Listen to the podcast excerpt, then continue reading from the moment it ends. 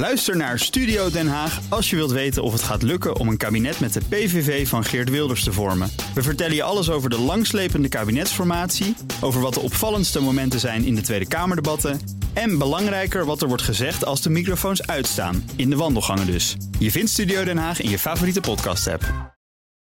De column van Bernard Hammelburg. Historisch is een kwalificatie die ik vermijd. Os vindt de verbouwing van het stadscentrum historisch. Frieseveen omschrijft een nieuw zwembad als historisch, alsof het in de geschiedenisboeken komt. Maar de eerste rechtstreekse El Al-vlucht van Tel Aviv naar Abu Dhabi, die was waarlijk historisch.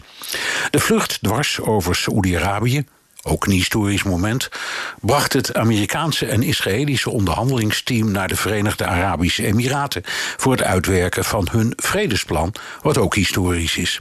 Ik vond het mooi, die Boeing met het woord vrede in het Arabisch, Engels en Hebreeuws.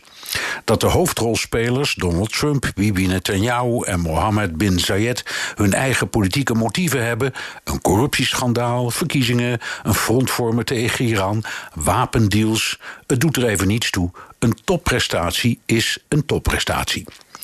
Een paar details vertellen het verhaal nog beter. Nieuwsstation Al Arabiya bracht het nieuws heel prominent. Is dat bijzonder? Ja, want het station is eigendom van de Saoedische regering. En dus is de boodschap dat het huis Saoed zijn zegen geeft, los van het toelaten van die Boeing in zijn luchtruim. Al Jazeera was veel kritischer en schreef een boos stuk over de knieval voor Amerika, lafheid van de Emiraten en over de Palestijnen die zich verraden voelen. Al Jazeera is eigendom van de emir van Qatar, dus nu zien we opnieuw dat hij ruzie heeft met de andere golfstaten. Tegelijkertijd, maar door vrijwel alle media genegeerd, kwam het bericht dat Hamas in Gaza, de luis in de pels van Israël, een wapenstilstand sluit met Israël en dat de bemiddelaar de gezant van Qatar in Gaza is.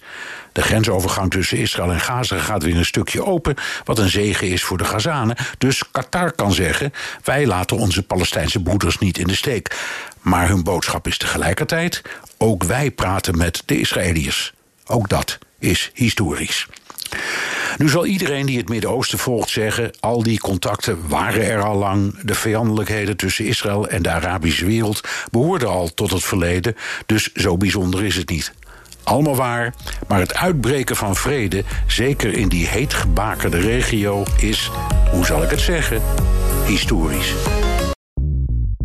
Bij BNR ben je altijd als eerste op de hoogte van het laatste nieuws. Luister dagelijks live via internet. Bas van Werven. En heel langzaam komt de zon op rond dit tijdstip. Je krijgt inzicht in de dag die komt op BNR, het Binnenhof in Nederland en de rest van de wereld. De Ochtendspits. Voor de beste start van je werkdag. Blijf scherp en mis niets.